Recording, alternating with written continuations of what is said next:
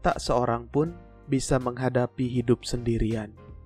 Maka kita jadikan diri kita sahabat bagi semua.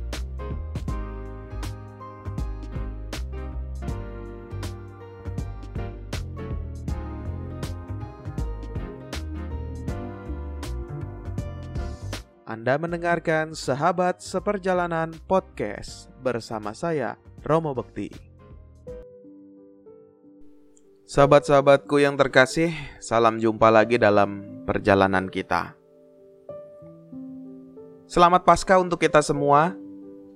Senang rasanya ketika Pekan Suci sudah bisa kita rayakan bersama-sama secara langsung.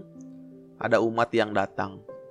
Tahun lalu sepi, karena baru awal pandemi, maka saya tahun lalu Paskah atau Pekan Suci pertama sebagai imam itu hanya bertiga.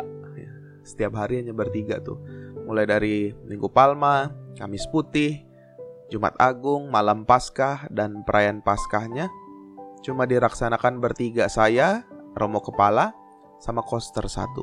Tapi tahun ini saya sungguh bersuka cita ada rasa yang berbeda, ada rasa haru, ada rasa sukacita, ada rasa syukur kepada Tuhan karena situasi pasti semakin membaik. Maka, selamat Paskah untuk kita semua. Semoga kebangkitan Tuhan juga menjadi kebangkitan diri kita.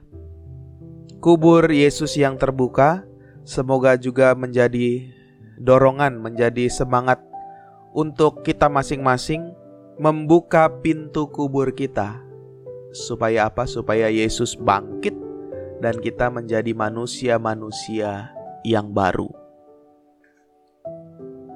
Peristiwa pada hari ini saya mendengarkan kisah mengenai dua murid yang berjalan ke Emmaus.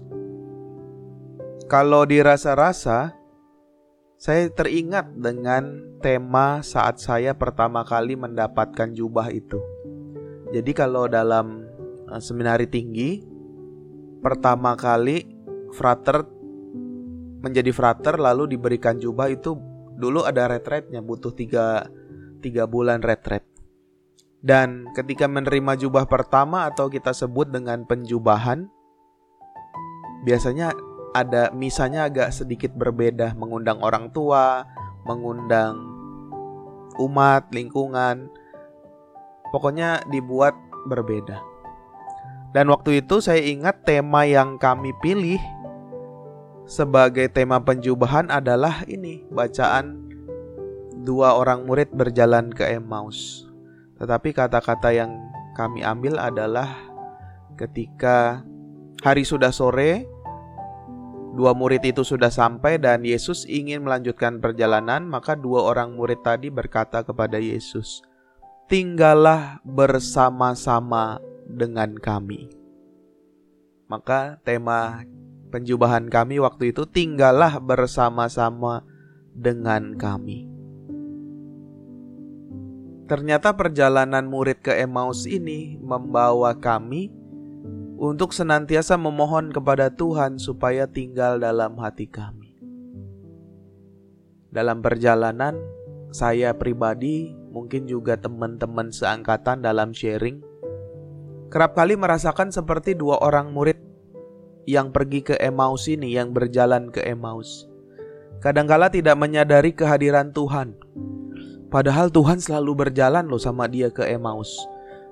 Yesus mewartakan sabda. Yesus menceritakan tentang kitab nabi-nabi, kitab semuanya. Dia dengan penuh kuasa dia mengajarkan. Dengan penuh kuasa dan kebaikannya dia, dia juga menemani dalam perjalanan. Tapi kadangkala dalam perjalanan itu kita tidak mengenali Yesus. Saya tidak mengenali Yesus karena tertutup mata oleh dosa-dosa. Oleh pikiran-pikiran yang jahat. Oleh harapan-harapan yang semu. Harapan-harapan yang palsu maka saya selalu mohon Tuhan, tinggallah bersama aku.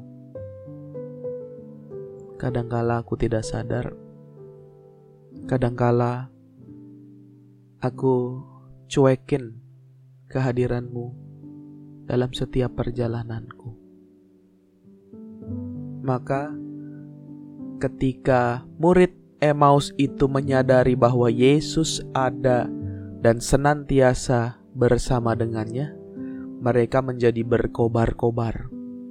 Bayangkan, sudah pergi jalan ke Emmaus jauh-jauh, lalu di Emmaus mereka makan. Saat makan perjamuan itu, mereka tahu bahwa ia yang berjalan bersama mereka adalah Yesus yang bangkit. Maka, tanpa pikir panjang, mereka balik lagi.